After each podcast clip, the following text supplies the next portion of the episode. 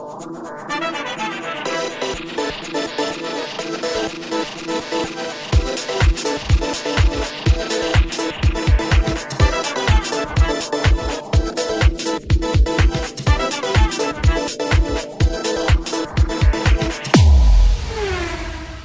Tere, head motoorse rahutuse kuulajad, vormel üks hooaeg aastal kaks tuhat kakskümmend kolm on jõudnud nii kaugele, et kümme etappi on sõidetud, kalendris on küll üksteist olnud, aga see pole praegusel juhul oluline. viimati võisteldi Suurbritannias Silverstone'is mina olen Toomas Vabamäe, tänase saatejuht ja aitavad mul Silverstone'is toimunud sündmusi ja võib öelda ka mitte toimunud sündmusi kommenteerida Fredi Edvin Esse. ja ka Silverstone'i järgseid sündmusi, tervist. ja Tarmo Klaar. tere no Fredi juba vihjas Silverstone'i järgne sündmus, äh, ütleme niimoodi, et võib-olla hetkel, kui me seda saadet salvestama hakkasime, tund aega vana või no äärmisel juhul poolteist tundi, nimelt äh, tööhõive paranes. Daniel Ricciardo on saanud uue töökoha Alfa Tauri piloodina juba alates Ungari Grand Prix'st, muidugi teisest küljest see tähendab, et Nick de Vries sai oma ametist priiks, aga nagu öeldakse, et tema ees seisavad nüüd uued väljakutsed. no mina ütleks niimoodi, et tööhõive näitajad on stabiilsed nojah, kui vaadata seda selles osas, et niikuinii on ju kakskümmend töökohta ainult vormel ühes pilootidele. just täpselt. see, see number tõesti ei muutu, aga kas räägime siis sellest kõigepealt? no räägime sellest kõigepealt. see on ju minevik.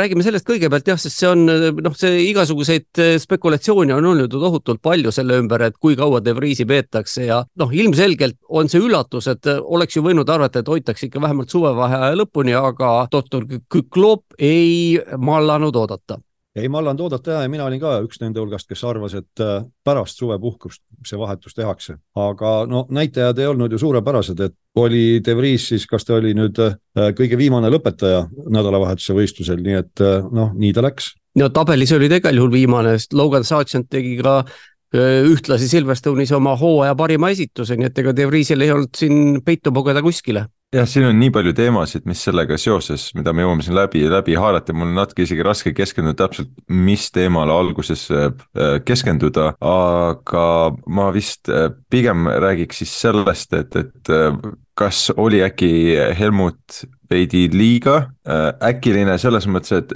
väga meenutas De Vries minule Brendan Hartley, see no üldist nagu vormel üks kogemus ka ja oli tema Red Bulli perekonnas, äh, siis visati välja sealt, läks, sõitis kestvusautode MM-sarjas, tuli vormel ühte tagasi jälle olukorras, kus Alfa Tauril ei olnud kedagi, sõitis, oli, ei olnud ja nagu ei tulnud midagi lõpuks ja visati välja, aga isegi, kas Hartley ei saanud ka, üle aasta sai ta kindlasti ju sõita.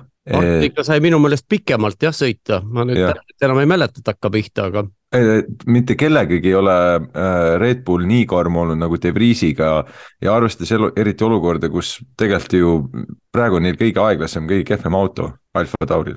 Värskendage mu mälu, Jaime Algarzari, kas tema sai poolteist hooaega sõita? pikema, pikemalt, tema ju tuli uue hooaja pealt ja kindlasti ta oli ühe või isegi kaks täishooaega. kaks ta oli kaks pool sõitis kindlasti ära, jah. aa, okei okay,, aga tema visati ka ju poole hooaja pealt samamoodi välja. no, kas tema sai ju Poemiga sai korraga said äh, sule sappa ja siis võeti Vern ja Ricciardo, minu arust oli niipidi ja siis Vern ja Ricciardo sõitsid kaks hooaega koos ja ülendati Ricciardo äh, Red Bulli, minu arust käis niimoodi see aga mis puudutab seda, et kas Kükloop oli kannatamatu, mina ütlen, et muidugi oli kannatamatu selles mõttes, et äh, selle aasta auto on ju täielik sõnnikuvanker. tulemused, noh, kuna De Vries ilmselt sel hooajal enam üheski võistkonnas ei sõida, siis vaatame tema finiši tulemust, hea küll, seitsmeteistkümnes, aga Yuki Tsunoda oli ju tema ees vähem kui kahe sekundi kaugusel. ilmselt piisav vahe jah, aga noh, teisalt jälle, kui me mõtleme, et on äh, Alfa Tauri auto on kõige aeglasem, Tsunoda ja De Vries on seal piloodid, kumbki ei ole iialgi sõitnud ühegi normaalse, hea vormel üks autoga.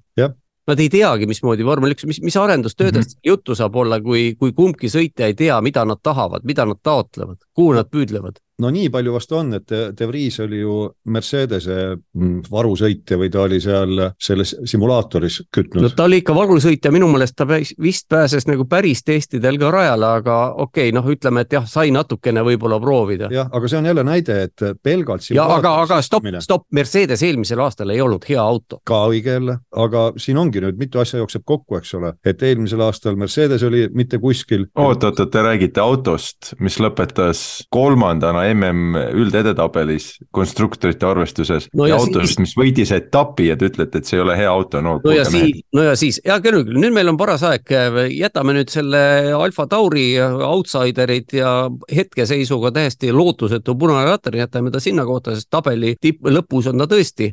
vaatame siis, mis toimus Silverstone'is nädalavahetusel ja oot, ma, ma tahaks veel, ma tahaks veel, mul on selle kohta täitsa nagu see, see teema mind huvitab väga, natukene, natukene pikendame seda. ja, ja, ja Äh, minu jaoks oli ka see mõte, et äh, De Vries ei tulnud täitsa nullkohast. Ei, ta sõitis eelmine aasta, tegi, eks ju, selle kõik meie saate kuulajad vähemalt sellega küll kursis, et äh, eelmine aasta Monsas sõitis üheksandaks Williamsiga, mis olgu, sobis sellele rajale. Kõik oli nagu selles mõttes äh,, asjad langesid kokku, tema jaoks tähed olid reas, aga teistpidi äh, De Vries oli ju F2-s tituleeritud äh, meister, oli vormel E tituleeritud meister, mis äh, väärtuse Manni prototüüpidega päris palju sõitnud ja häid tulemusi saavutanud. jah, no kogemusi väga palju, aga, aga mis väärtused see teie hinnangul annab see nüüd äh, vormel E-le eelkõige just keskenduda, see noh, see vormel kaks on, on nii ja naa, eks ju, Mikk Schumacher sai ka kinga ja sealt nagu palju näiteid pigem sõitjatest, kes, kes ei ole väga õnnestunud äh,, olles tšempion või, või tšempioni kohe järel kannul aga, aga mis sellel, vormel E meister on ju tegelikult mm staatuses äh, vormel E ja, ja nüüd selle tšempion tuleb vormel ühte ja nende kõige kõvem mees ei pea poolt aastatki, poolt hooaegagi ei pea vastu vormel ühes. hea näide on kohe Varnast võtta, vormel E sõitis äh, paar nädalat tagasi esimest korda sõideti USA-s Portlandis, see on seesama rada, kus ka IndyCar muuseas sõidab ja sõidavad kõik need IndyCari toetavad madalamad sarjad. Ja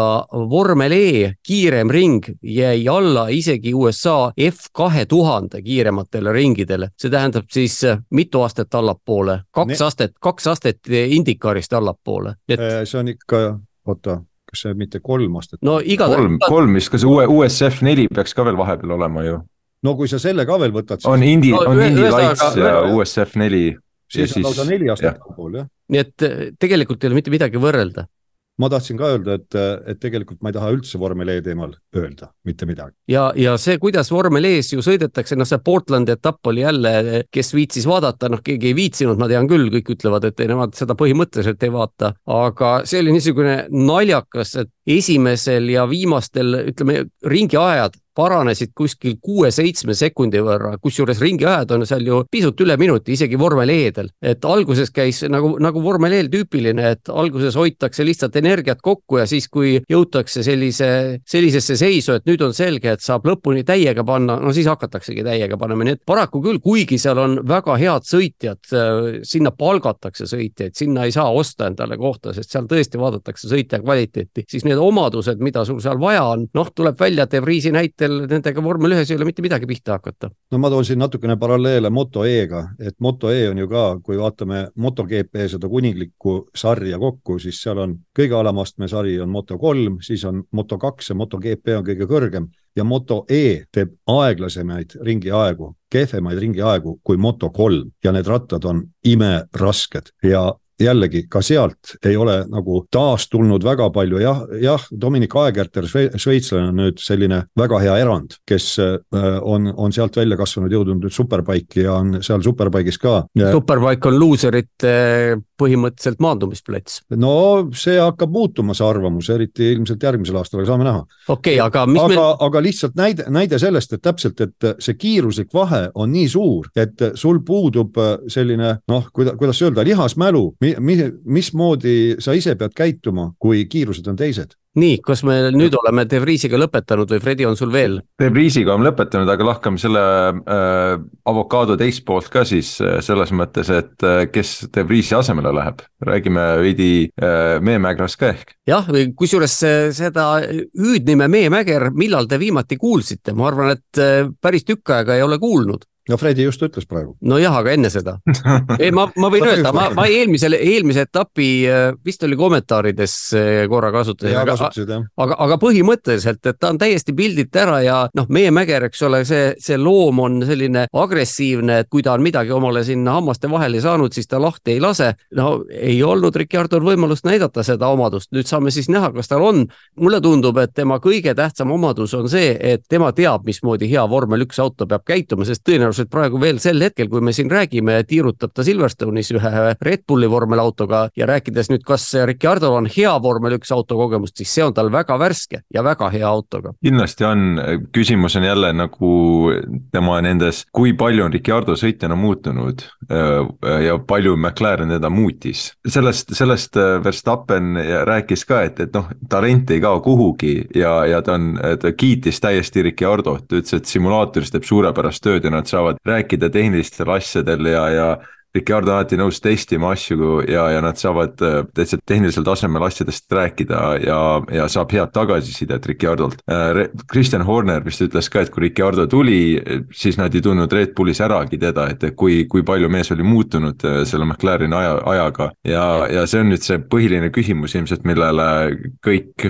Ricardo fännid ja, ja vastased ja ka, ka tiimipealik tal hakkab siis vastust otsima, et kas, kas on ikkagi, kas ta saab selle vana vana meemägrasuse üles leida endas. no ma siin tahtsingi palavaikuselt sõna võtta just nimelt sel teemal, et mis Kristjan Horner ütles, kui esimest korda pärast pikka pausi istus Ricciardo äh, sinna simulaatorisse, et äh, täpselt, et kui, kui rikutud ta nii-öelda oli, et nad ei tundnud ära, et kus on kadunud see endine Ricciardo, aga nüüd väidetavalt äh, selle aja sees, mis ta siis olnud, on olnud seal simulaatoris ja, ja varusõitja, on ta suutnud oma seniseid oskusi märgatavalt ta taastada ja kui täna see pressiteade tuli, siis noh, me Toomasega just haarsime, et täna, homme ja ülehomme toimuv rehvi test pidi olema selline, millest väga palju ei plaanitud üldse üldse rääkida, aga nüüd ometigi jõudis Horner öelda, et juba tänased testid näitasid, et äh, Ricardo on väga kiire. jah, see äh, nii-öelda kuulujutt sealt, mis välja tuli praegu Silverstone'ist oligi see, et Ricardo sõitis aja, mis oleks pannud ta esirivvi selle Suurbritannia Grand Prix'l, noh küsimus on muidugi selles, et noh, mis, mis rehvid, eks ju, ei ole üks-ühele rehvid äh,, rada on sisse sõidetud Grand Prix'st, võib-olla ma ei, ma ei tea, palju seal vahepeal vihma võis sadada ja, ja nii edasi, nii palju muutuvaid tegureid on, palju talle ikkagi seda bensiini sinna sisse kallati ja, ja nii edasi ja nii edasi, aga ta ei olnud kaks sekundit eemal, eks ju, sellest üldajast või midagi sellist, nii et äh, see on nagu hea märk tõesti tema suhtes, aga ma küsin teilt niimoodi, et kas nüüd see auto, mis selgelt on kõige kehvem sel aastal, see Alfa Tauri äh, AT, mis on null neli. kas see on nüüd õige auto Ricciardo'l, millega oma karjääri taas elustada? No kui ta suudab olla Tsunodast selgelt kiirem, siis äkki on. no ja see paneb Tsunodale ka muidugi niisuguse kohe sellise koorma õlule, et nüüd sa pead mees näitama, et heakene küll, hooaja alguses siin olid, De Vriesile näitasid koha kätte, see on üks asi. De Vries, nagu selgus, ei olnud vormel ühes äh, väga pädev, aga kui sul tuleb Ricciardo vastu ja hakkab sellesama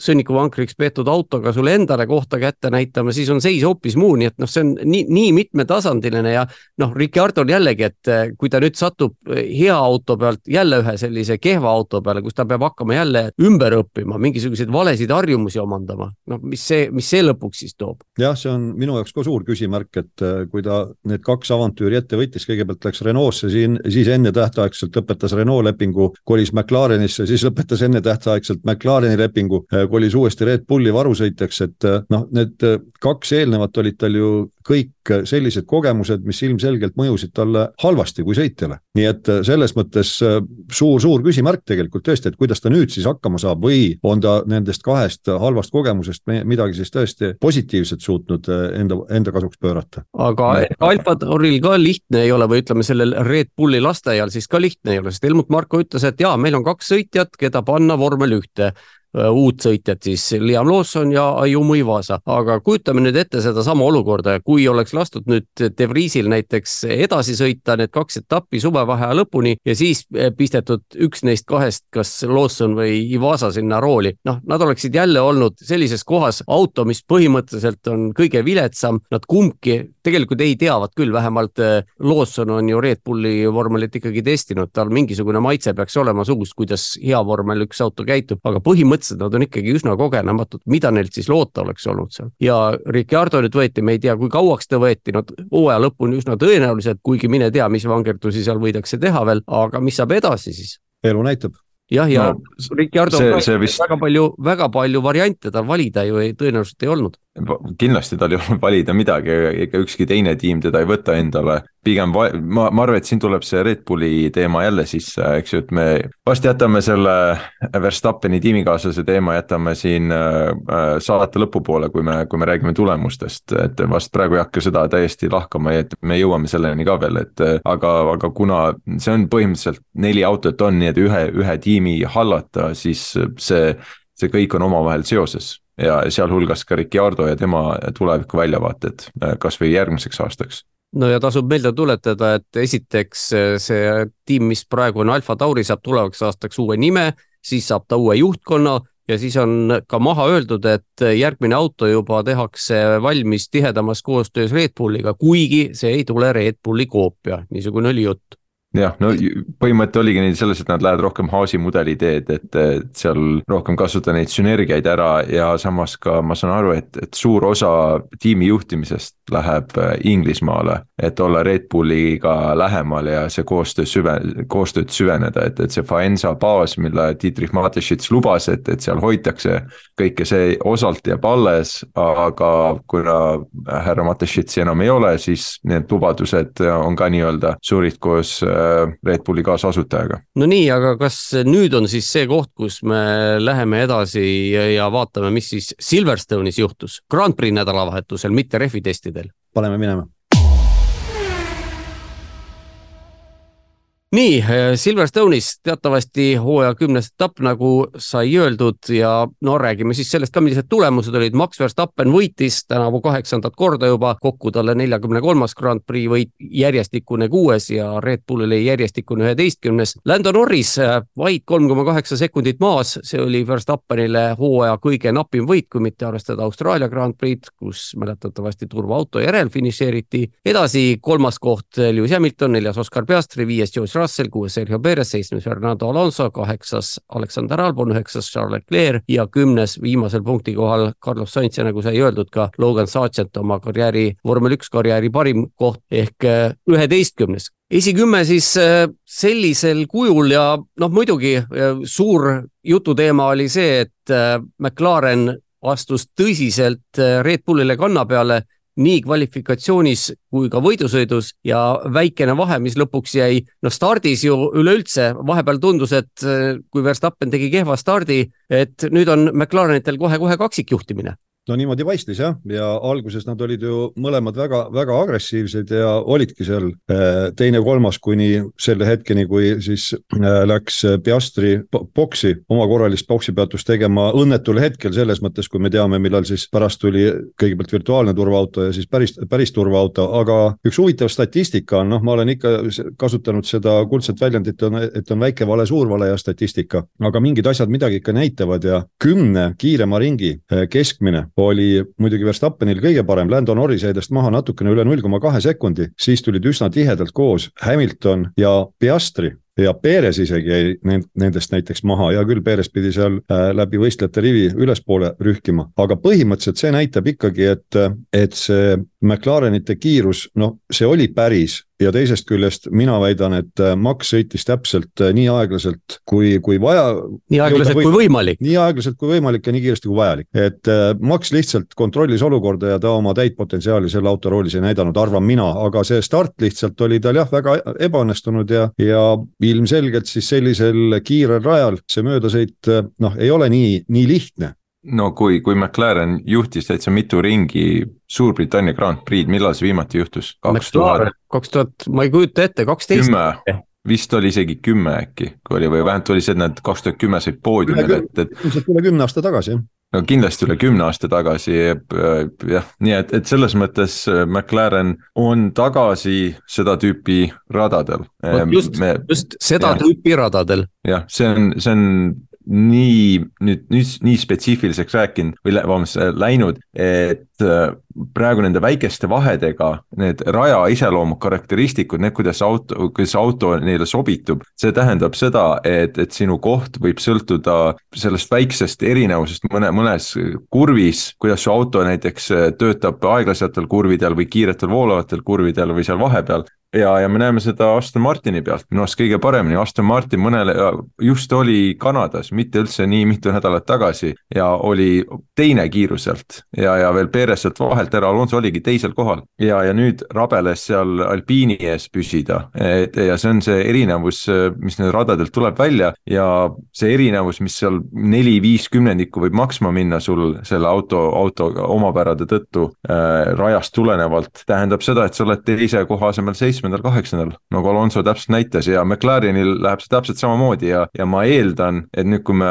Ungarisse lähme, McLaren pigem on seal tagaotsas, ma ei, ma ei väga-väga kahtlen, et neil on nüüd püsivalt kiiruselt teine auto. aga seda tüüpi radadel ma arvan, et nad on väga heas seisus praegu tänu sellele, tänu neile uuendustele. Ja see jutt, mis neil oli, et oi, meil infrastruktuur on vananenud ja me ei saa seda ja toda teha, see on kõik järsku haihtunud, eks ju, et me, me vist rääkisime ka aasta alguses sellest, et nagu, et peituti kuidagi selliste asjade taha, mis ei ole nagu päris, päris õiged, õiged nagu vabandused või vähemalt leiti, üritati vabandusi leida siis nüüd need vabandused on kadunud õnneks ja McLarenit on väga tore näha jälle esi, mitte esikoha, esikoha pärast võitlemas, aga vähemalt esimeste kohtade pärast no ikka väga esikoha pärast võitles, midagi ei ole siin ju vaja, vaja varjata, see oli tõsine esikohavõitlus. jah, ja no,. jah, jah, ei, me teame, kes on esikohal, no see, see on selline hooaeg praegu lihtsalt. aga Fredi, kui sa ütlesid, et rajad on erinevad ja erinevalt mõju siis äh, autode jaoks sobivad ja sobimatud, siis äh, noh, Leclerc tõi selle hästi välja, ütles, et äh, nende auto oli niivõrd tuuletundlik, et ringi aeg võis kõikuda seal null koma kolme, null koma nelja sekundi ulatuses. Ja see, mis puudutab aeglastes kurvides käitumist, siis minu meelest nii Piastri kui ka Norris ise ütlesid, et aeglastes kurvides võrreldes Mercedesega nad on kehvad ja Mercedese vennad, Hamilton eriti just kinnitas seda, et just aeglastest kurvidest leidis tema sellist edu, et see ongi nüüd, kuidas mingisugune auto kuskil käitub, aga mis muidugi omaette on märgiline, et nüüd, kus siis äh, McLaren on selle kiiruse leidnud, sõitjad ütlevad, et aga auto käitumine ei ole muutunud, auto on lihtsalt läinud kiiremaks, mis mõningas mõttes on jällegi positiivne nähe ju jah, kui me nüüd mõtleme tegelikult, kuidas kiiretes aeglastes kurvides, siis ainukene hetk, kui Norris oli, Norrise teine koht oli tõsises ohus, oli see, kui ta Lahvildi kurvis tegi väikese vea ja Hamilton sai talle vanale stardisirgele väljudes noh, sisuliselt kõrvale ja siis sirge peal lihtsalt asja eest teist taga vajus uuesti Norris vaikselt, vaikselt, vaikselt eest ära. tegelikult nagu ta hiljem ütles, et see oli võistluseelne kaalutlus, et igaks juhuks võttis natukene tagatiiva tiiba madalamaks, juhuks kui peaks just selline olukord sõidu ajal tekkima, et siis on selle tippkiiruse noh, paar kilomeetrit tunnis võib-olla tuli sealt ainult juurde, aga see niisuguses olukorras oleks võinud olla piisav ja noh, nagu pärast selgus, oligi piisav aga kui me nüüd vaatame suuremat pilti, siis noh, Red Bull on, eks ole, omaette, täiesti omaette klass ja, ja võib öelda, et nemad on oma. üks, üks Red Bull.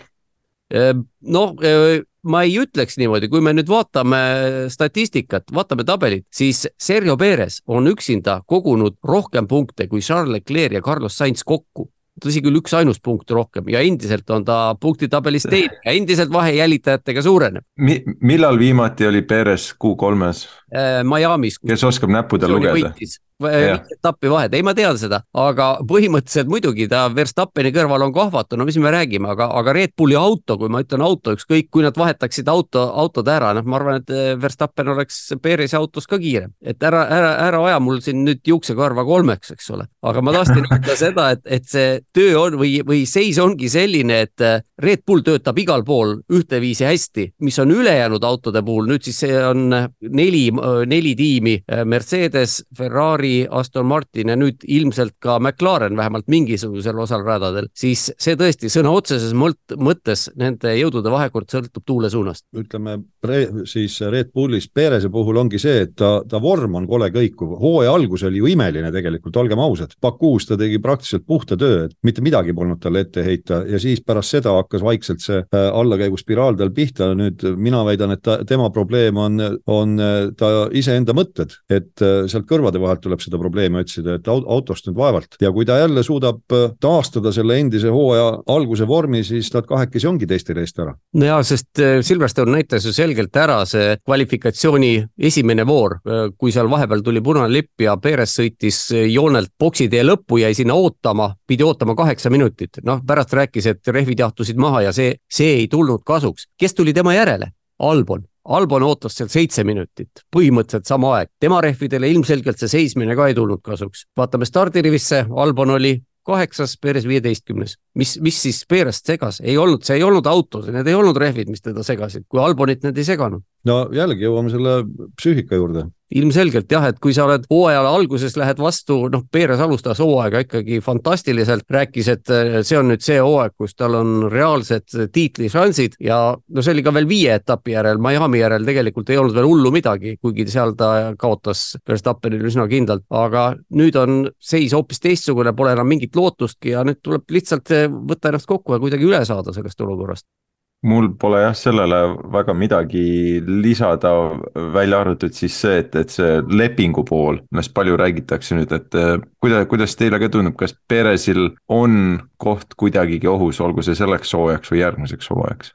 ei usu, miks tal peaks olema, sest ta teeb ju kõik põhimõtteliselt, muidugi on selline üle kivide kändud, aga põhimõtteliselt teeb ju kõik ära no mina väidan, et on ohus, et ikkagi, kui see tema ebakindlus jätkub ülejäänud hooaja jooksul, siis väga võimalik, et Mr Küklop otsib kasvõi kellegi uustulnuka sinna Verstappeni kõrvale, sellepärast et ega siis Verstappen oli ka tund-, tundmatu suurus, kui ta tuli, ega isa haipis ta üles ja poiss ju midagi nagu tegi ka seal vormel kolmes, mis aeg-ajalt silma paistis, aga ke ega keegi ju täpselt ei teadnud, kui kõva vend ta ikkagi seal vormel ühes on. nii et äh, minu jaoks ei ole sugugi kivisse raiutud, et, et Red Bull peab kinni oma lepingulistest kohustustest, mis tähendab seda, et Perest hoitakse siis järgmise hooaja lõpuni teise sõitjana seal. see sõltub ikkagi suuresti sellest, millised ta tulemused on nüüd hooaja teises pooles. seda küsiti äh, Verstappenilt ka, et, et kuidas tema suhtub sellesse Peresi kvalifikatsiooniprobleemidesse siis ta ütles, et noh, seda peab Helmuti ja Kristini käest küsima. aga et põhimõtteliselt ta saab ise ka praegu selle tööga hakkama, et no muidugi meil on võistkonna punktid ka olemas, aga noh, ma saan selle ise praegu kaetud naeris veel kusjuures saabki, võtke, võtke, vaadake Verstappeni üksinda, Verstappeni punktisumma tagaks ilusti Red Bullile konstruktorite karikas liidripositsiooni siis ka, kui seal Peresilt oleks null punkti juurde. Jah, see, see, no seda ma räägingi, et see on, praegu see on nii ühe hobuse äh, võidusõit seal, et, et see on jah, üle pika aja ei ole sellist asja olnud, aga, aga see selleks ma näen, et see aasta tõesti, nagu me ütlesime, et need punktid on Verstappenil olemas, Red Bullil suurt vahet ei ole. järgmine aasta, kui teised järele jõuavad, ma eeldan, et nad jõuavad ikka vähemalt tulevad lähemale, võib-olla järele ei jõua, aga tulevad lähemale kindlasti, äh, siis sellises olukorras see Perezi kaks, kolm, neli, võib-olla viis kümnendikku kaotust või jälle kuu kolmes välja kukku-, vabandust, kuu ühes väljakukkumine need lähevad juba väga kalliks maksma ja siis äh, Red Bull on jälle olukorras, kus nad olid kaks tuhat kakskümmend, kakskümmend üks, kus neil oli, oli keerulisem äh, kedagi leida sinna, nii et äh, aga vaatame, vaatame nüüd teist külge ka.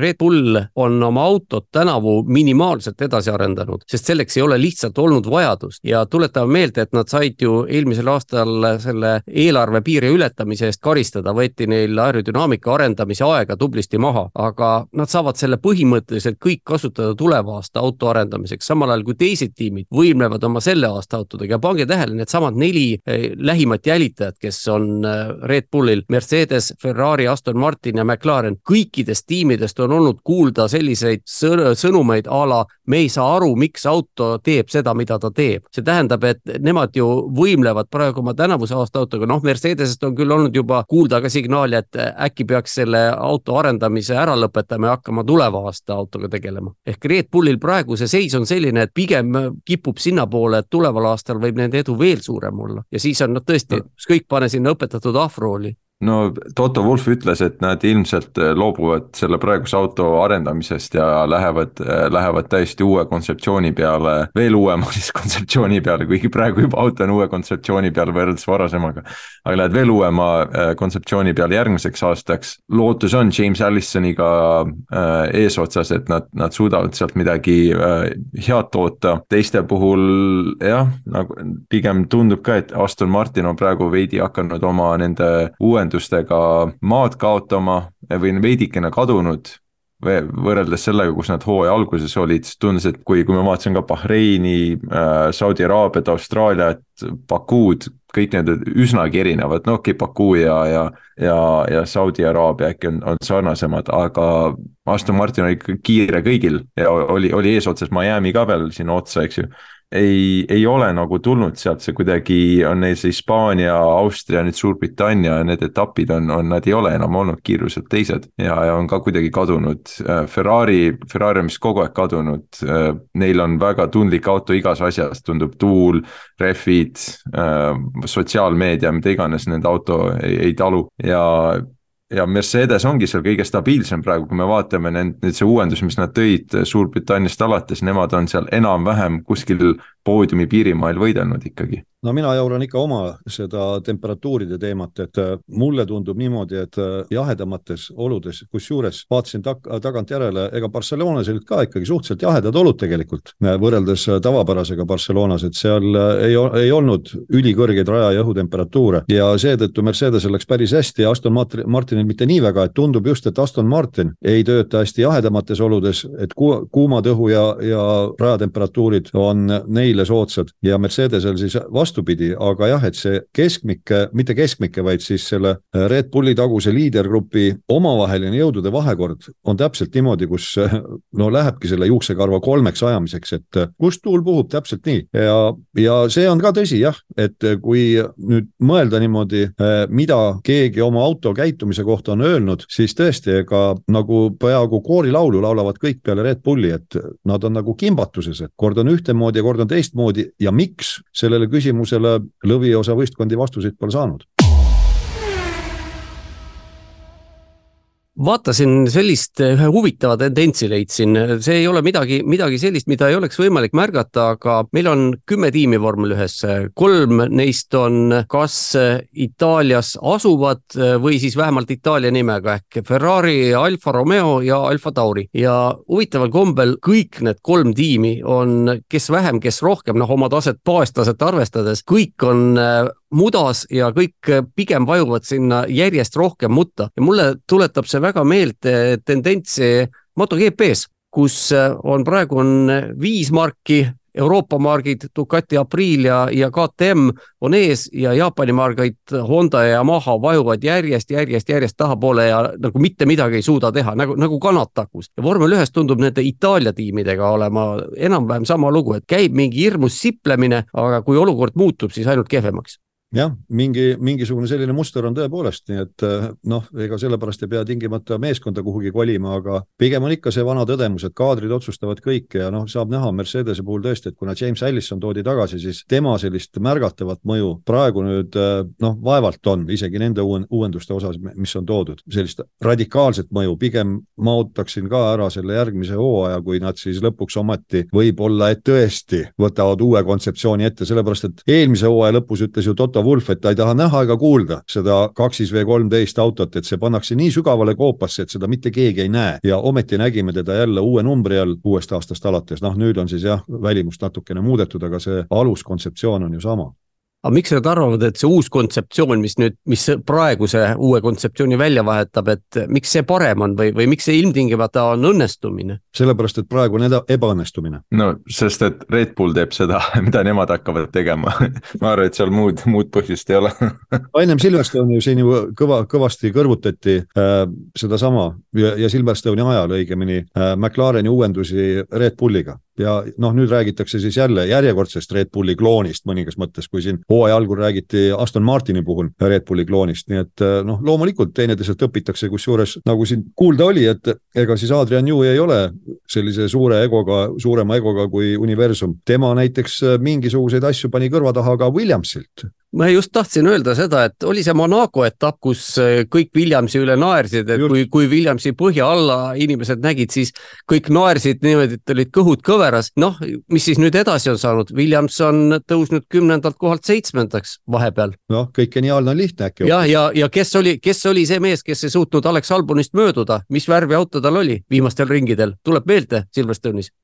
oli üks. üks, üks niisugune keerulise no. autoga Williams Alboniga roolis on olnud üli, üliäge ja, ja see, kus nad Kanadast alates on, on suutnud äh, võidu sõita top kümnes. Williams ei ole üldse kuidagi punane latern enam. Äh, see, see roll kuulub täiesti Alfa Taurile ja nende see kuidagi imelik areng, mis, mis algas selle Jos Capito management'iga, kuidagi on, on nüüd, sest see, see, mis praegu toimub Williamsiga, see ei ole väga paljuski kuidagi seotud James Vowlesiga ja tema tulekuga aasta alguse poole, nii et praegu nad on suutnud kuidagi väga aerodünaamiliselt e-, efektiivse auto toota, mis, mis on väga libisev läbi õhu, aga ka see, et nad äh, Silverstone'is suutsid äh, edukalt esineda, näitab, et see ei ole selline ühe, ühe triki või ühe, ühe trikiga show jah, nii et mulle, mulle väga meeldib praegu Williamsit näha nii kõrgel ja Alex Albon tundub ka olevat nagu oma elu, eluvormis, mis on väga üllatav, et, et kuidas tema jälle aktsiad on tõusnud, arvestades, et kaks hooaega tagasi ta oli tõesti pingil ja oli väga kaheldav, kas ta üldse jõuab vormel ühte. ja, ja kes võeti tema asemele Red Bulli?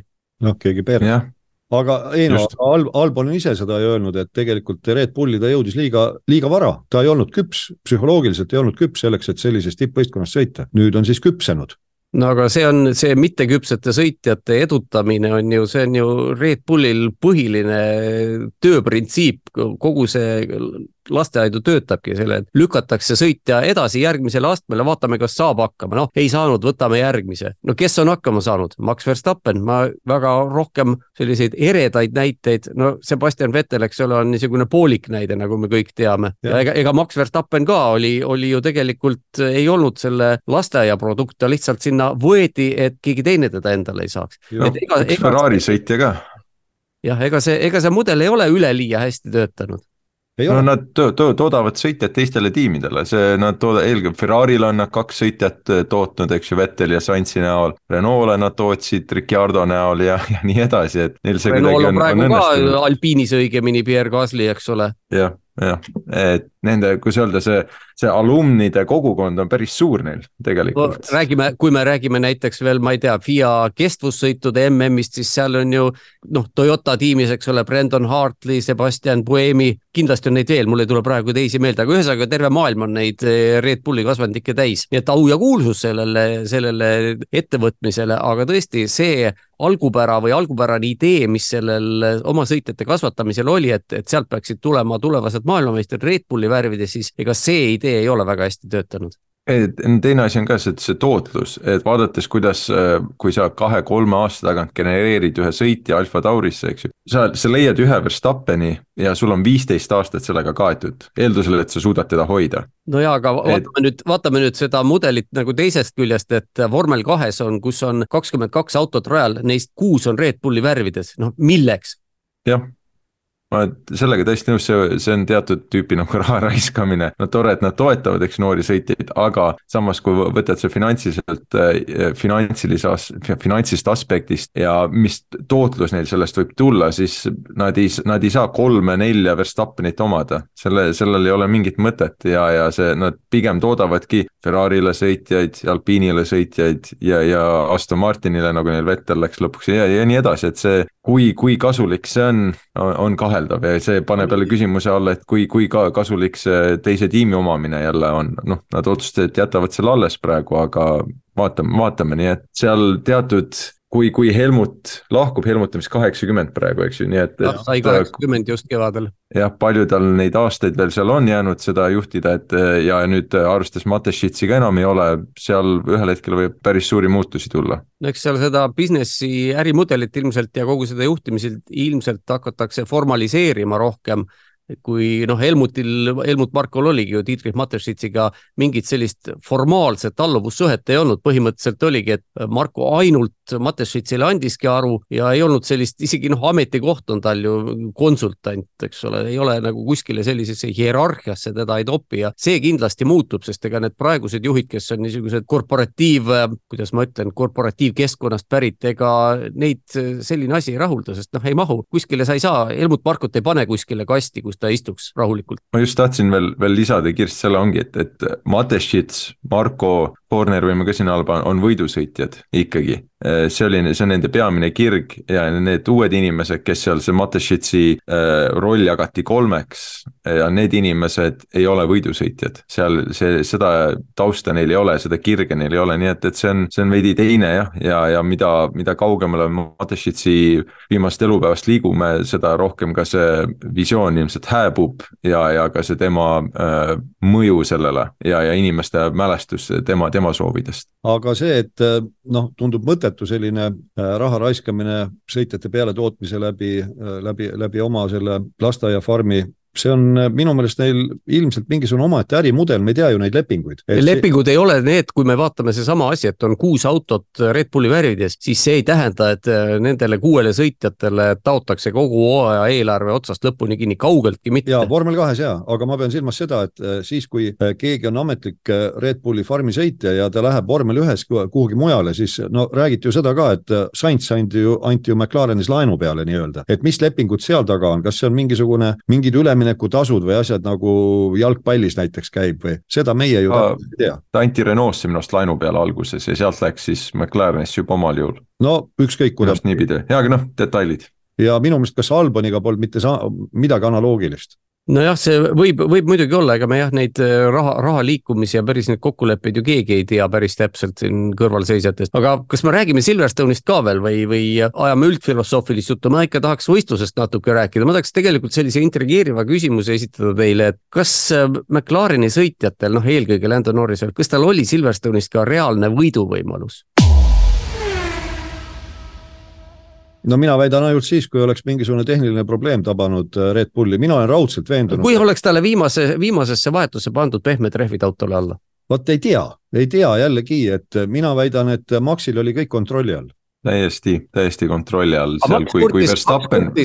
Max kurtis, et tal viimases vahetuses need äh, pehmed rehvid olid viletsad no aga Maxi no,. mitu sekundit ta kohe vahe sisse tegi seal. no lõpuks oli kolm koma kaheksa ju, eks ole, ja see on, see on no, tema selle see on tänavuse hooaja kõige väiksem võit ja muidugi Ta... naljakas on selle juures see, et ei, ei olnud ju ka Norris sugugi rahul sellega, et tema autole kõvad rehvid alla pandi jah, see oli minule ausalt öelda ka arusaamatu, miks pandi nii vähe ringi ennem lõppu äh, Norrisele ja ka, ja ka Piastri autole need kõvad rehvid alla, mina, mina. Andrea, Andrea Stella selgitas seda, et kui nad seal tulid, nad äh, arvasid, et nad saavad, äh, kui WSC oli kõigepealt, eks ju, kui.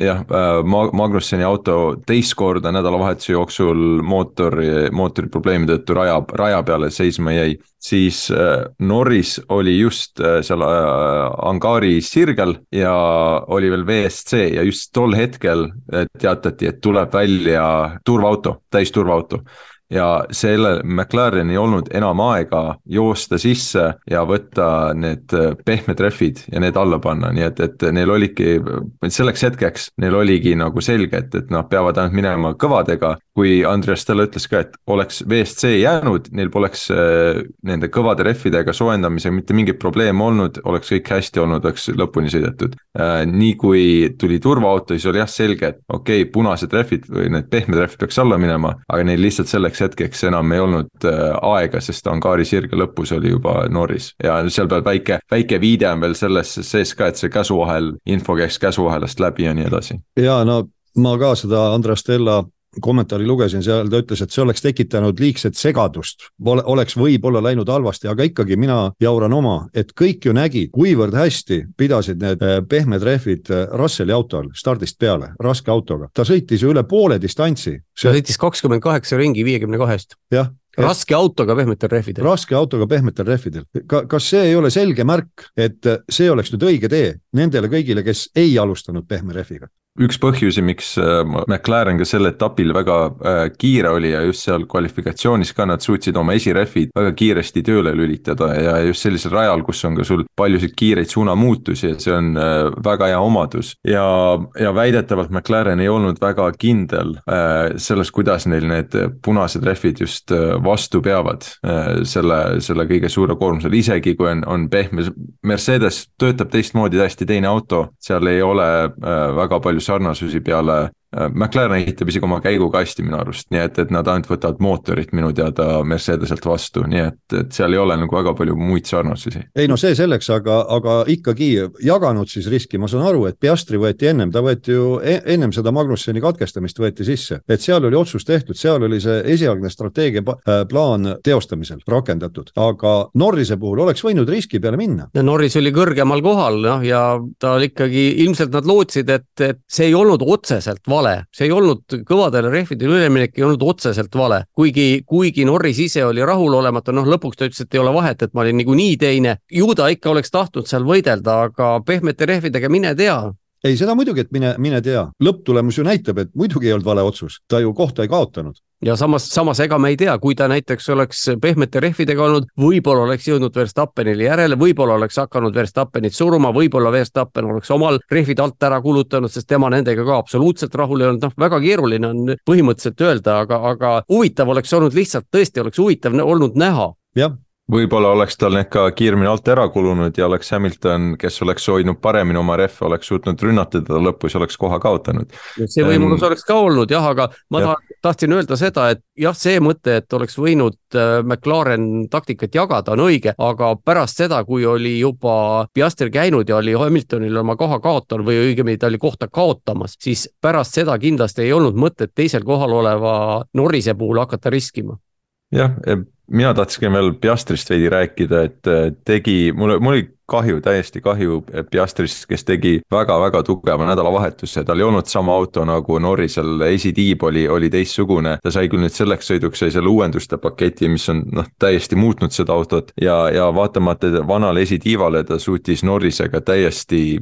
kümnendiku sees püsida. ja, ja seal alguses oli ju tükk aega istus lihtsalt Norrisel taga sabas kinni et sellest oli kahju, et, et see, ta selle äh, nii-öelda loterii nii palju kaotas, et jäi oma poodiumikohast Hamiltonile ilma. Ja, ja Hamilton samal ajal ükskõik mis teed ükskõik mis, mis autoga ta sõidab, ta suudab kuidagi ikka kiire olla, nii kui Suurbritanniasse jõuavad ja, ja või lihtsalt on tal õnne ja. oli õnne, täiesti minu arust. õnne, õnne, õnne, sest ta tegelikult ei sõitnud ju rajal kellestki mööda. ta seisis mööda või, või kuidas, kuidas seda öelda. õigemini või noh, õigem oleks öelda, et teised seisid mööda või noh, iga, ühesõnaga igasuguseid. seisid taha jah, tema ei sõitnud rajal kellestki mööda, lihtsalt kasutas olud ära, aga noh, see on ka muidugi hämmastav oskus, et kui sa ikka oled seitsmekordne maailmameister, siis sellist asja võiks vallata tõesti, olla õigel ajal õiges ja vot täpselt seda Hamilton oli. Barrichello oli minu arust selle nagu vastand täiesti, kui Barrichello, mäletan, alati läks Brasiiliasse, ta võis sõitu juhtida, tal oli domineeriv Ferrari, mis iganes. ja alati tal midagi juhtus, ta ei suutnud kuidagi seda potentsiaali ära realiseerida, et, et kodupubliku ees äh, mingi kõva tulemust teha ja Hamilton minu jaoks on täpselt risti vastupidine, isegi kui ta, tal ei olegi kiirem auto, mingi õnn või midagi talle naeratab ja, ja ta saab ikkagi hea, vähemalt saab poodiumil, saab mingi hea tulemuse kodupubliku ees, et kuidagi seal nagu mingi selline karma on no Mansell oli vist enam-vähem samasugune vend, et äh, Manselli maania ja kõik need tema võidud seal üheksakümmend kaks, kui ta maailmameistriks tuli ja, ja nii edasi. aga Piastrist ma tahtsin rääkida, et äh, minu jaoks ka on äh, Piastri, noh, ongi selline, mis see on, see vastik võõrakeelne väljend, real deal, et ongi kõva vend, tõesti, ongi meistrimaterjalist poiss, seda ta nüüd tõestas väga ilme, ilmekalt just äsja lõppenud etapil ja tegelikult hooaja algusest peale. ega ta ei ole ju mingeid jamasid korraldanud, ta pole jamadesse sattunud minu meelest, sellistesse radikaalsetesse jamadesse, kuigi jah, seal esitiib on tal kuskil rüseluses natuke pihta saanud, aga põhimõtteliselt on ta väga targasti sõitnud kas Austrias oli, ta sõitis seina, kui ma õigesti mäletan või, ja siis ta ütles, et ta ei ole, ma ei mäleta, mitu aastat järjest ei ole mitte Kanadas. Kanadas jaa, ütles, et ma ei mäleta, mitu aastat järjest ei ole mitte kordagi võidusõiduautoga kuskile piirdesse sõitnud. noh, see on selline, ütleme niimoodi, erand, mis kinnitab reeglit, aga üldiselt ma ei tea, vaidled vastu mulle või? ei, ei, ei, ta ei korralda jamasid, just täpselt. Tänu sellele, no sa oled äh, meil teleülekandes lugesid ette tema need järjestikused saavutused, kolm aastat meistritiitlit kõigis klassides, kus ta, kus ta võistles. selles mõttes on, õigustab, õigustab talle pandud lootusi. ja täiesti. Äh, ja, ja poiss veel areneb. Tal on, pole poolt hooaegagi veel see aasta sõitnud, et, et sealt äh, on kindlasti tulemas midagi, midagi äh, päris erilist, äh, vähemalt Norrisele võrdväärset, nii et vähemalt McLaren tõestab, et see, see summa, mis nad see aasta Ricciardole maksavad, et ta ei sõidaks, see on pigem seda raha väärt. et ma ei usu, et Ricciardo oleks oma probleemidega suutnud neljanda koha siin sellel etapil tuua. aga, aga Tarmo, sa mainisid üheksakümne teise aasta Grand Prix'd ja, ja see on teatavasti see kuulus Grand Prix, kus Nigel Mansell ühe koma üheksa sekundiga sai Ricardo Patreses kvalifikatsioonivõidu.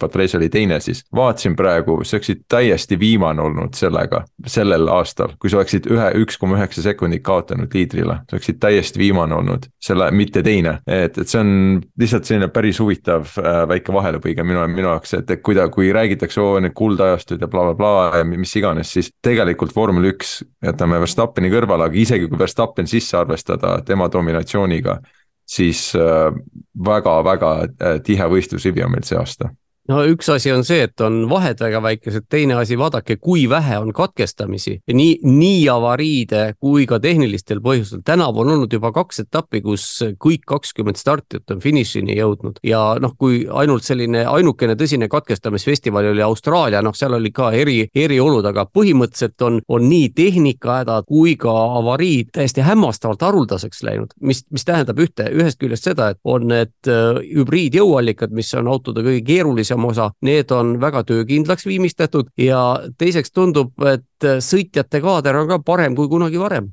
noh, ikkagi me võime siin naerda selle äh, FIA punktisüsteemi üle, et äh, see on Mazepini taolisi ka tootnud vormel ühte, aga ikkagi see punktisüsteem põhimõtteliselt on ikkagi õige, et sinna päris piima ja naljamehi tänasel päeval ei saa sattuda. No vot, tuli jälle De Vries jutuks, muuseas eelmine aasta mäletate, kui, kui otsiti äh, Alfa Taurisse teist sõitjat, siis Colton Herta oli ju täiesti tõsine, tõsine kandidaat, noh, temal ei olnud muidugi need superlitsentsi punktid koos, aga Red Bull üritas seal mingit erandit talle taodelda. mõtleme nüüd järgi, mis oleks Hertaga juhtunud, kui ta tõesti oleks selle erandi saanud ja oleks ta sinna Alfa Tauri autosse istutatud. Michael Andretti tuhat üheksasada üheksakümmend kolm, teine vaatus no täitsa nõus, et jumala. hullem veel. pigem, pigem hullem jah, sest McLaren oli hea auto.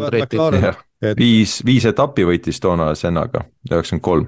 Nii et mida ma alati olen rõhutanud siin saates.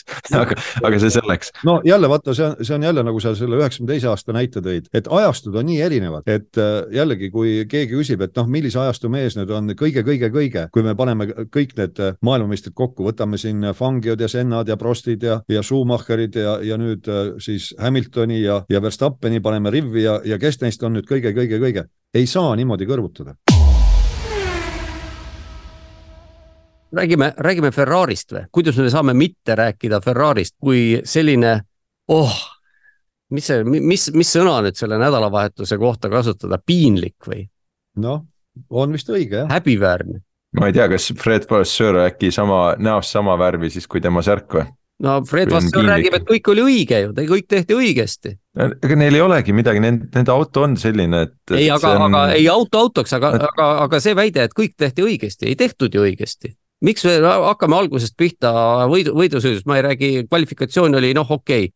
miks võeti Leclerc, oli see nüüd kaheksateistkümnes või mitmes ring see oli, kui ta võeti, võeti sisse? väga vara jah. täiesti noh, nagu öeldakse, lambist kusjuures Leclerc ka takkajärgi ütles, et ta ei saanud aru, miks ta nii vara sisse võeti. sellepärast, et tema sõitis, startis keskmistel rehvidel, eks ole, ja, ja, ja samal ajal noh, ta võid, võidu, sisuliselt ta ju sõitis võidu Russelliga, Russell oli pehmetel rehvidel, ma saan aru, ilmselt oli kaalutlus see, et võtame ta sisse, Russell on sunnitud reageerima ja me saame eest ära, et äkki, äkki siis ta kukub sinna Saintsi järele ja, ja noh, igasugused sellised taktilised mängud, no põhimõtteliselt oli see ikka nagu hale oma värav ja ei, ma ei vaidle üldse Nad vist ootasid jah, et, et eeldasid, et teised tulevad ka kohe boksi, et me ennetame, anname ennetava löögi, eks ju, parim kaitse on, on rünnak ja, ja siis me saame juba äh, kohe rajal soojade rehvidega blablabla bla, tuli välja, et, et Silverstone'is ka sel ajal pigem töötab see overcut ehk hiljem boksi minek, sest need äh, kõvad rehvid, mis Leclerc'il alla pandi, nende soo-, soojaks sõitmine võttis nii kaua aega, et, et sa ei ole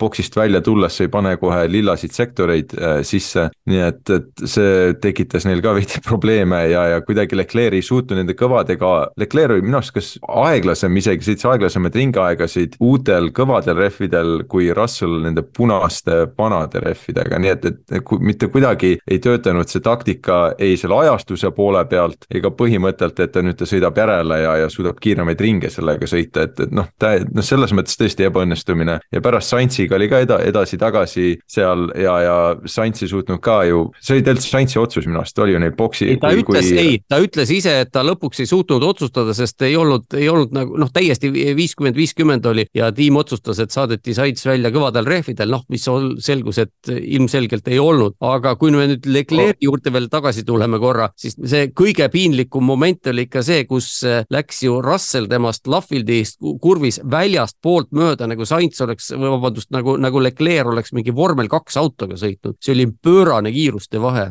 see oli ilus möödasõit, see oli päris ilus möödasõit, aga. aga oleme oleme ausad, see ei olnud, neil ei olnud võrdsed relvad sel hetkel jah, jah, jah, seda küll, aga ma tahaks lisada veel, et, et kui Science annab tiimile otsustada, siis see fifty-fifty muutub kohe, ma ei tea, kakskümmend viis, seitsekümmend viis peale või? Jah, et vale, vale otsuse tõenäosus on seitsekümmend viis protsenti, seda, seda saab öelda. Need olid, kõik olid väga-väga piinlikud momendid, et kui sa ikkagi stardid, startisid nad neljandalt, viiendalt, kui ma nüüd õigesti mäletan ja, ja lõpetasid üheksanda ja kümnenda, no noh, heakene küll, mingid punktid said, aga, aga need olid eh, ikkagi väga viletsad punktid see oli nüüd piinlik, aga vaatame Ferrari jõuallikas, mis eh, veab edasi lisaks Ferraridele ka Alfa Romeosid ja Haase. noh, Alfa Romeost siin korra juba vilksamisi oli juttu, et on ka täiesti mudas, ei saa millegagi hakkama. no seal oli omaette piinlikud episoodid, aga Haas põhjustas ka ju kolmandat etappi järjest läks neil mootor põhimõtteliselt plahvatas, mis seal toimub? no seal on ilmselt äh, mingi autokontseptsioon, mingi jahutusteema tundub seal olevat, sellepärast et äh, noh, Ferraridel endil ei ole ju sel hooajal mootorid niimoodi läinud. ja ega vist ei ole ka Alfa Romeodel, ei Alfa Romeodel mingisuguseid asju ikkagi on olnud, mulle tuleb Botaselt. Botasel oli kas käigukasti probleem äkki? ja noh, aga, aga kolm etappi järjest, Hülkenbergil läks äh, Kanadas treeningul, Austrias võistlusel ja nüüd siis Magnussenil see oli naljakas ka, Magnusson ütles, et aa, et paanikaks pole põhjust ja kõik, kõik tegeleme ja, ja siis äh, Hülkenberg samal ütleb, et meil alarm, alarmikellad kõlisevad praegu. kuidas kellelgi, kuidas kellelgi, eks ole, Magnusson niisugune tasane Põhjamaa mees, eks noh, läheb mootoreid vahetevahel, temal on lõppude lõpuks kaks, ainult ju üks mootor plahvatanud Hülkenbergi kahe vastu. no ja, ja Magnussoni tulemused sel aastal võrreldes Hülkenbergiga on ka kehvemad olnud, et ilmselt Magnusson ikkagi tahab jääda vormel ühte ja seetõttu on ta natukene selline leplikum oma väljaütlemistes, mis ta tegelikult mõtleb ja mis nad seal võistkonnas sees räägivad, see on omaette teema, aga ma vaatan siin neid kiiremate ringide äh, tabeleid ja näiteks äh, Leclerc'i aeg, kiirem ring, oli seitsmes võistluse sees ja see sõideti neljakümne kaheksal, kaheksandal ringil ja oli null koma üheksakümmend kaheksa sekundit äh, kehvem kui Verstappenil. noh, okei okay,, Verstappen oli, oli pehme rehviga ja kust me leiame Sainzi, noh, Sainz oli lõpuks kõvadel, eks ole, temal oli üle ühe sekundi aeglasem ja viiekümne esimesel eelviimasel ringil sõidetud. Ja kümne ringi, küm-, kümme kiiremat ringi nende kesk, keskmiste tulemuste põhjal äh, oli Sainz seitsmes ja Leclerc kaheksas, nii et noh, Ferraridel seda kiirust mitte kummalgi ei olnud, mitte kuskilt otsast. aga tuleb seda võistluse lõppu ka vaadata, mida ütles Alex Albon, Albon ütles, et tema ei oleks tahtnud ühtegi ringi rohkem sõita, sest kui oleks üks ring veel olnud, siis oleks läinud Leclerc temast mööda, kui oleks kaks ringi rohkem olnud, siis oleks Leclerc läinud mööda ka veel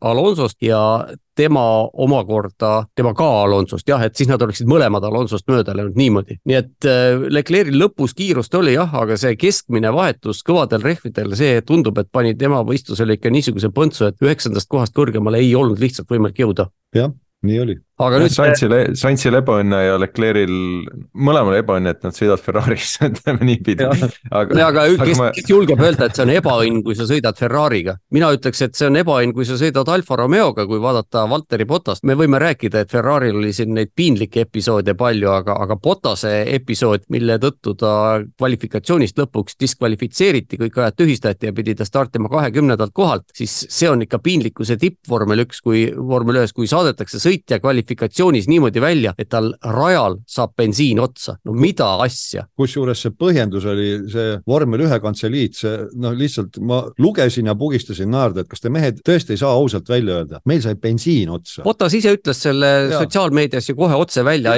absoluutselt ilma igasuguse keerutamiseta. aga tiimipoolne väljaütlemine oli, et meil oli probleeme kütuse etteandega. no just, liiga vähe andsime. liiga vähe andsime polnudki anda midagi. eelarvepiirangud äkki, see ei ole, ei ole ju mingisugune eriline haruldus, et äh, võidusõiduautol keset distantsi saab kütus otsa, ma olen, ma olen ise niisuguses olukorras olnud ja rohkem kui üks kord, aga noh, ma olin endale ise ka ju kogu tiim siis, siis kui, kui sõitja, sõitja mina seal püüdis sõiduks valmistuda, siis mehaanik mina ja insener mina omavahel pidasid aru, kui palju kütust panna ja lõpuks ei pannud üldse. et selliseid asju muidugi amatööridel võib juhtuda, aga, aga vormel ühes ma ei kujuta ette. no mis siin ette kujutada, näide, palun vaata uuesti. no ja ütleme nii, et Andreas Seidlil selle tiimi ümberkujundamine Audiks, see peaks kohe algama, seal ei ole enam võimalik sekundit ka oodata, sest sealt võib veel piinlikumaid episoode oodata kas, kas me mainisime ka, et nad palkasid äh, James Key endale, kas oleme ühes saates mainisime seda või? äkki mööda minnes. jah, aga noh. eks seal käib kõva palkamine praegu üldse, nii et äh, kuna Audi on ju see, noh, Audi põhimõtteliselt ongi see Audi tiim. Volkswageni kontserni esindaja, siis äh, ega seal raha kokku ei hoita, see on selge ja, ja teisest küljest vaadates, mida Audi on teistes võistlussarjades saavutanud, siis ega ei ole põhjust ka kahelda ma tahaks veel rääkida ühest asjast siis siin selle sõidu jooksul, mis oli olukord, kaks olukorda äh, Lance Strolli ja Pierre Gasly vahel. Äh, esiteks äh, oli siis see olukord, kui nad tulid sealt angaari sirgelt, sõitsid läbi ja läksid Stowe'i, Stowe'ist välja tulles Gasly ja Stroll olid kõrvuti ja Stroll läks rajalt välja, äh, sai Gaslist mööda, Gasly oli väga ärritunud, see, äh, vabandust, see kohtunikud uurisid seda olukorda, leidsid, et ei olnud mitte midagi äh, karistada seal, kuidas teie seda olukorda nägite? Täiesti üheselt, mina vaatasin äh, vormel kahe põhisõitu ja seal oli täpi pealt samasugune olukord, tõsi küll, kolmandas kurvis, see on siis äh, Village'i kurvis, aga Victor Martins läks mööda Jumu Ivasast, noh, Ivasat rügis teda selgelt, et ei jätnud külje peale ruumi, läks mööda niimoodi, isegi ta ei läinud mööda, ta vajus korra rajapiiri taha, jäi Ivasast maha, siis läbiti kurv ja kurvi järel ta läks ette. Ja Martins sai selle eest karistada, kuna talle pandi süüks, et ta parandas muutus oma kohta rajapiiridest väljaspool liikudes. otseselt ta mööda ei läinud rajapiiridest väljaspool, aga jah, põhimõtteliselt, põhimõtteliselt läks ja sai siis viis sekundit trahvi, aga võitis ikkagi, sest lihtsalt sõitis selle vahetasa. muidugi vormel ühes ja vormel kahes on žüriid erinevad, need inimesed, kes neid otsuseid vastu võtavad, on erinevad, aga reeglid, ma saan aru, selles osas peaksid ikkagi üsna ühesugused olema. et mina väidan, et seal tehti Kaslile liiga. ja ma olen nõus, et te, noh, selles suhtes analoogiline olukord, et tol hetkel, kui Stroll ületas rajajoone, siis na-, äh, rajapiire, siis nad olid kõrvuti veel, aga siis äh, ta jõudis ette, siis kui ta oli juba kahe rattaga rajal tagasi, aga põhimõtteliselt täiesti üks-ühele olukord. reeglid peaksid olema ühesugused, mis seal vahet on, kes see kohtunik on, tähendab reeglite rakendamine ühesugune väga huvitav, mina nägin seda teistmoodi, minu jaoks ikkagi see reegel kehtib, et äh, pead sõitjale ruumi jätma. Gasly ise läks ratastega üle valge joone, läks sinna äärekivi peale oma vasaku rat-, vasaku äh, ratastega. nii et, et kus siis teine sõitja peab mööda saama, kui nad kõrvuti täiesti, nad olid kurvi läbivalt kõrvuti ei olnud niimoodi, et, et gaasil oleks tagantpoolt tulnud või midagi sellist, tuulest välja hüpanud ja siis rajalt mööda nagu välja sõitnud ja mööda läinud, nii et minu, mina nägin jälle seda, seda niipidi peab ju olema see re-, noh, reegel on mustvalgelt kirjutatud, et, et pead jätma vähemalt äh, auto laiuse jagu ruumi kaassõitjale no,. ilmselt seal siis äh, ma arvan, et tõlgendati niimoodi, et hea küll, Kasli, äh, eks siis seal ju kumbki ei saanud karistada, eks ole, olukord jäeti sellisena, nagu ta oli. et leiti, et hea küll, Kasli algul surus välja, jätnud ruumi ja pärast siis justkui kasutades ära seda rajapiiride ületamist, parandas oma positsiooni Stroll ja las ta siis jääda, võib-olla oli see mõte, aga põhimõtteliselt ma olen sinuga nõus jah, et sellistes olukordades tegelikult äh, kohtunikud peaksid olema järjekindlamad, sest et äh, võtame selle Austria äh, etapi, kui kes need seal kahekesi pusisid, me veel Toomasega läksime otseülekandes ka vaidlema, lõpuks mina, mul oli õigus seal kuuendas kurvis hmm.. kes seal, kas see oli Magnussen ja karistati seda, kes teise, teisele ruumi ei jätnud. De Vries oli ju see. De Vries ja, oligi ja just, just, just, just. muidugi, vanad sõbrad, De Vries ja Magnussen. aga, aga räägime siis veel teisest olukorrast, samad sõitjad, Stroll ja Gasly. Paar ringi hiljem tulid Stowst välja veidi sirgelt ja tule, lähevad otse sellesse äh, šikaani, ka kõrvuti põhimõtteliselt esimesse kurvi, äh, esimesse sellesse šikaani. Ja, ja sealt Stroll kandus välja paremale ja tuli rajale tagasi, sõitis Gaslyle sisse.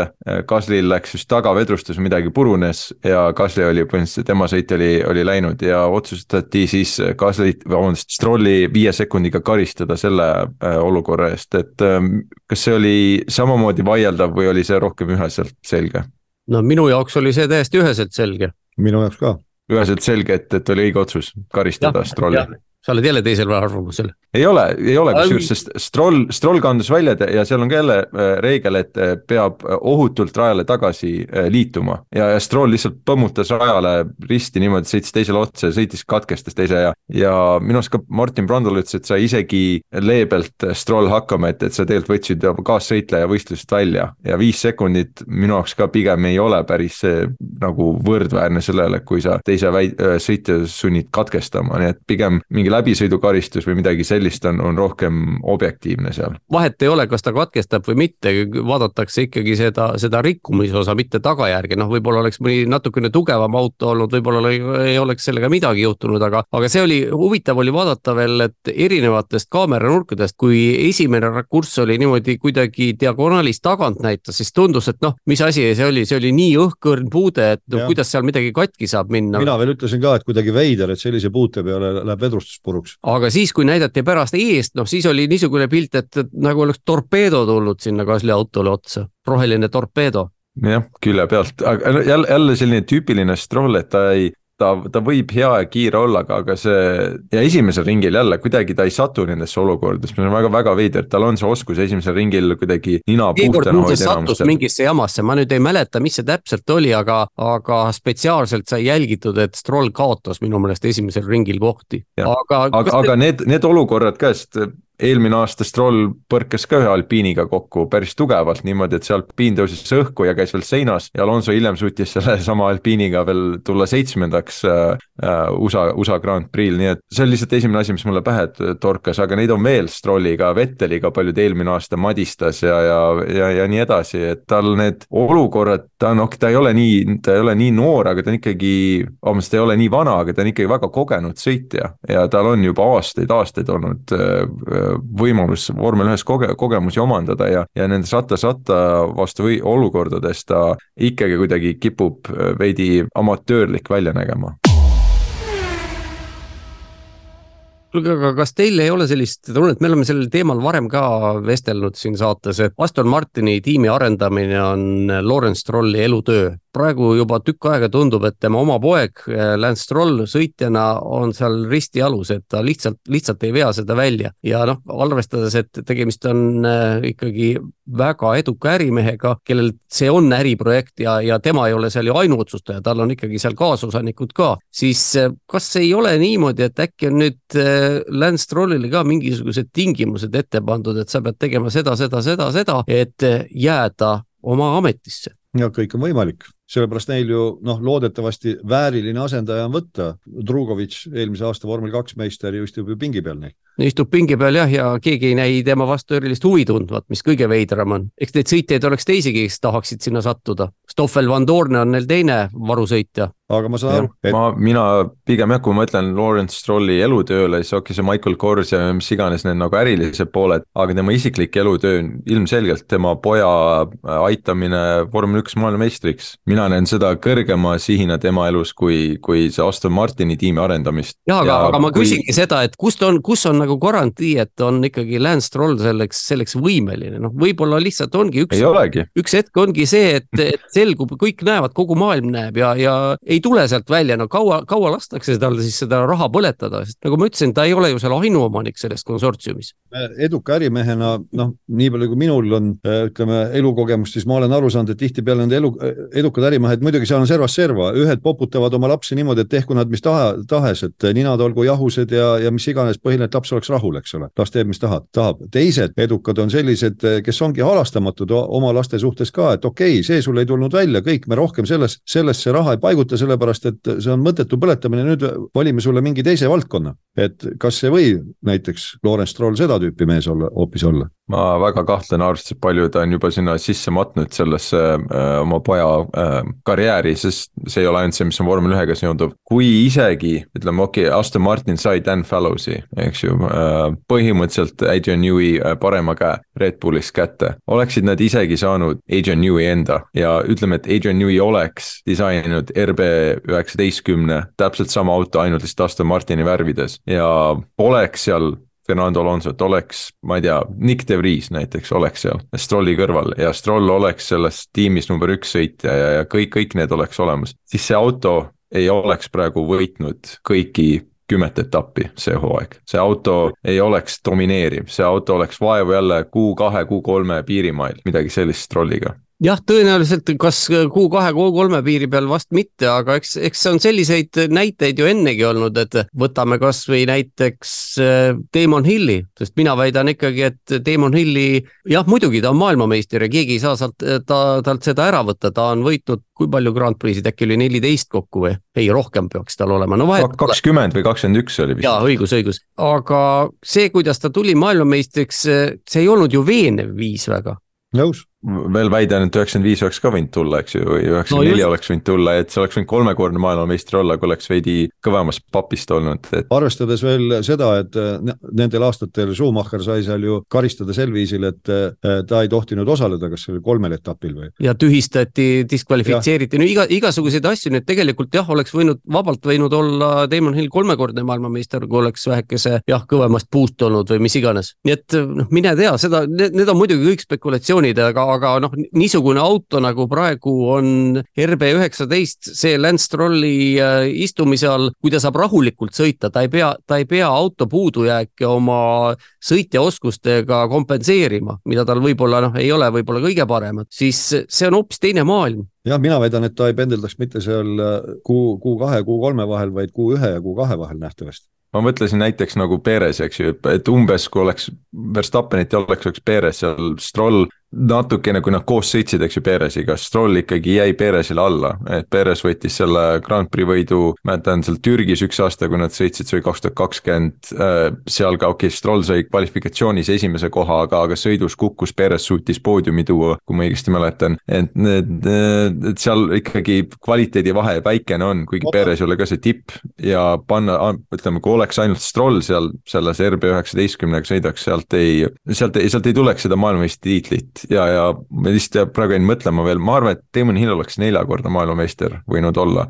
sest kui ta oleks üheksakümmend neli ja viis suutnud, eriti üheksakümmend viis oleks tugevalt suutnud sõita, poleks Frank Williams teda üheksakümne seitsmeks välja vahetanud, nad oleks pikendanud tema lepingut ja, ja Hill oleks üheksakümmend seitse ka maailmameister olnud, nii et, et tegelikult oleks, ütleme potentsiaalse, potentsiaalne neljakordne maailmameister, aga noh, see on no,. aga need on need kõik oleks-poleksid, mida võib väga paljude sõitjate kohta rääkida ja noh, siis me peaks mitu tundi saadet tegema kas teil on veel teemasid, mida te Silverstone'iga seoses tahate puudutada?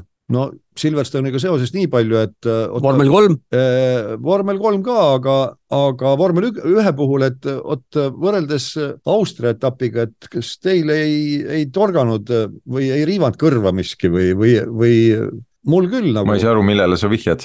tõesti ei saa aru või? väga peened vihjed võrreldes Austria etapiga, eelmise etapiga, et radikaalne vahe oli kuidagi, kuigi see on palju kiirem rada, palju kiiremad kurvid valdavalt. väideti ju sõitjate poolt, et Austria rada pole üldse kiirete kurvidega, aga millegipärast pärast rajapiirides ei tahetud püsida. aa, seda mõtled? aga mitu sõitjat nüüd rajapiiride ületamise eest sai karistada? null. jah rada oli, rada oli seal..., Austrias oli vale rada.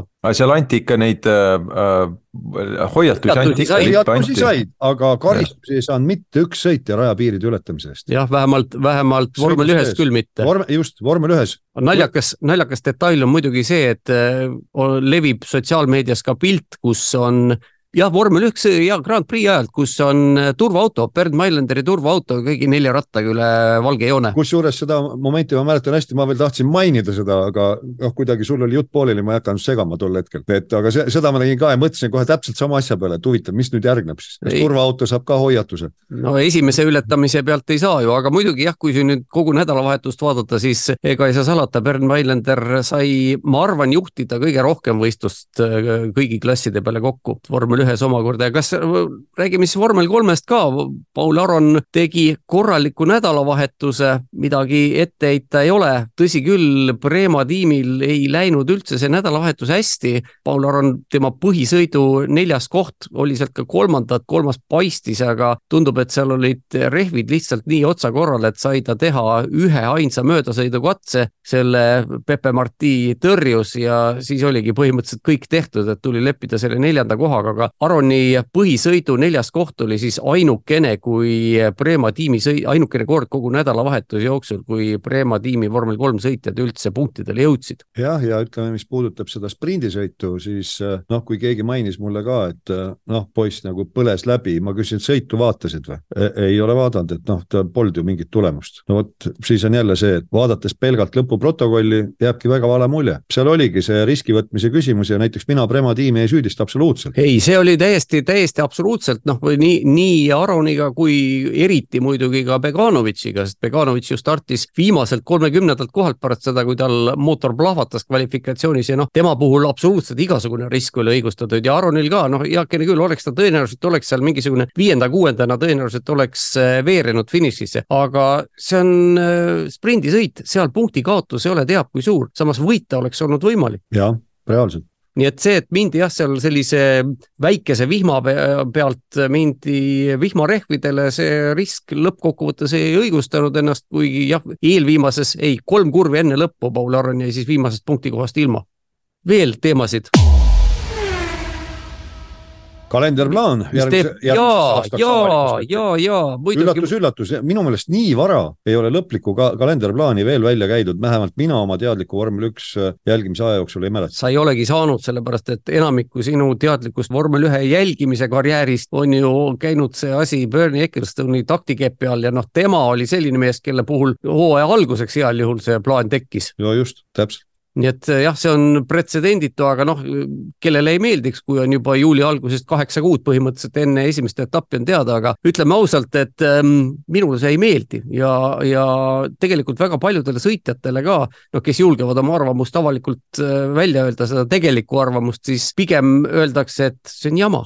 See noh, kui niimoodi tähte närida, siis vormel ühe vaba on ainult üks kuu ja see on jaanuar. ja see on jaanuarikuu. nii et kakskümmend neli etappi, kolm etappi seejuures sõidetakse laupäeval, see tähendab Grand Prix siis sõidetakse laupäeval, mis omakorda tähendab, et neljapäevast alates on vabatreeningud ja mis siis veel märkimisväärset, Hiina etapp on kalendrist tagasi ja põhimõtteliselt võib öelda, et Jaapani ja Aserbaidžaani etapp on oma kohad vahetanud, Jaapanis sõidetakse nüüd kevadel ja Aserbaidžaanis sügisel. no ja Stefano Domenicali väitis, et selle kalendri ümberpaigutused on tingitud sellest, et logistika oleks loogilisem, sellega ma võin nõustuda, et see printsiip on õige, aga näiteks hooaja keskel see purjetamine seal üle ookeani vahepeal Monaco ja, ja Hispaania etapi vahel, no see nagu küll väga selline logist-, loogiline logistika ülesanne ei tundu olevat.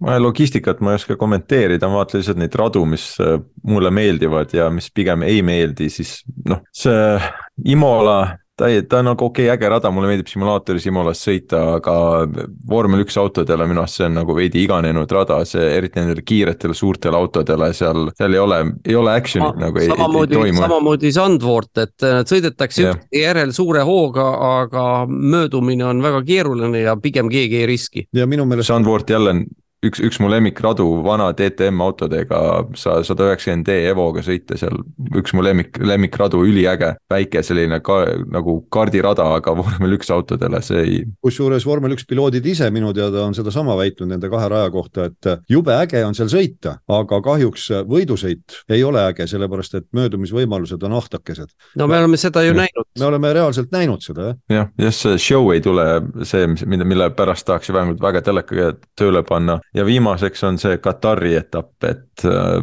need Lähis-Ida sõidud, need ma ei, ma ei ole nende suur fänn. Need on lihtsalt sellised äh, äh raha teenimise äh, variandid ja, ja meil on pangu üks Aafrika etapp äh, mingi sinna või, või äh, jätke lihtsalt see ära, et me liiga palju oleme juba niigi seal Lähis-Idas ja et see Katar on nii kuidagi mõttetu sulle..., mõttetu koht seal. aga kui sulle surutakse miljoneid, noh surutakse, võta, no võta, noh, me korraldame etapi, no võta, palju, palju maksab, noh ütle number, maksame mis iganes. aga Fredi, mis sa arvad sellest etapist, mis juba tänavu esimest korda toimub, noh, sinul peaaegu naaberosariigis ju jah, need Ameerika etapid on ka ausalt jah, äh, Austin üliäge koht, üliäge rada ehitati, vormel üks, üks parimaid radu, äh, üliäge vibe'iga koht. Äh, Miami on nii mõttetu autoparkla rada ja, ja koht ka ja, ja teine see Vegas ka, no okei okay,, Vegast ei ole toimunud veel, aga just see Miami ja Vegas, need mõlemad on sellised, et, et kuidagi selline näitamise, näitamise äh, mingi etapp või, või midagi, midagi see, ma ei oska seda sõnadesse panna täpselt, kuidas see, kuidas see minu jaoks suhestub, aga, aga Austin, mis on korralik ehitatud spetsiaalne rada, arvestades palju legendaarseid radu Ameerikas on, siis ikkagi minnakse äh, kuhugi mingi mõttetusse kohta ausalt, millel ei ole vormel ühega mingit ajalugu ega pistmist ja, ja pigem on selline, kus on palju turiste ja kuhu saab, kuhu saab palju pileteid müüa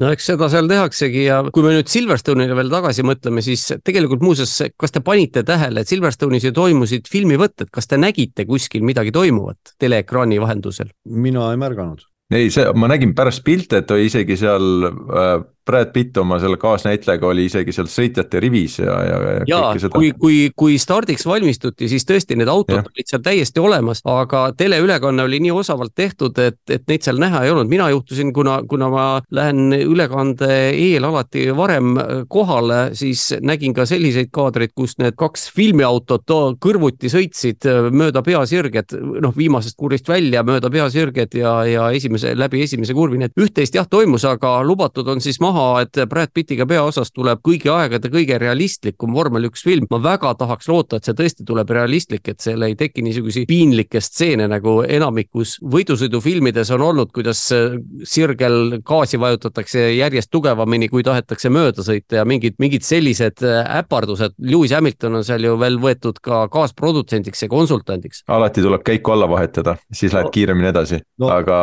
see, selle, ütleme niimoodi, et Ricky Bobist paremat sõitu või sõidufilmi, võidusõidufilmi ei saa tulla, see on selge, aga, aga mis on ilmselt minu jaoks niigi väga realistlik, eriti kui NASCARist räägime. aga tõesti, see, vähemalt nad pingutavad ja see on tehtud nüüd sellises mastaabis, sellisel tasemel, mida varem ei ole, ei ole suudetud teha. no võib Nii öelda, et Frankenheimeri Grand Prix omas ajas oli vähemalt samal tasemel, aga muidugi tehnilised võimalused on praegu hoopis midagi muud no mina olen väga. ma, ma olen tahtnud ka seda äh, Le Mani vaadata Steve McQueeniga, aga pole mitte kusagilt ei ole seda saadaval, isegi siin Ameerikas mitte, et, et stream ida või kuskilt tõmmata, nii et. mina olen seda isegi kinos õnnestunud näha mõni aasta tagasi ma..., korraldati Tallinnas siin spetsiaalne seanss. no vot, see on minul äh, nii-öelda selle ämbri nimekirjas. no vot, aga mis puudutab seda vändatavat filmi, siis mina olen esialgu äh, skeptiline. Äh, annaks jumal, et sellest ei tuleks selline farss nagu Stallone Stallone väntas. no see on muidugi omaette, omaette tase, aga räägime ikka normaalsetest filmidest. no saab näha. minu,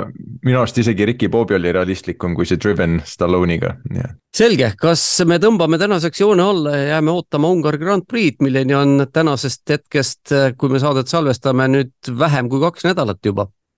Teeme nii. tundub, et ühehäälselt on otsustanud äh, saate osalised selle saate lõpetada. täname kõiki, kes leidsid aega meid kuulata. kohtume jälle umbes kahe nädala pärast, kui arutluse alla tuleb Ungari Grand Prix.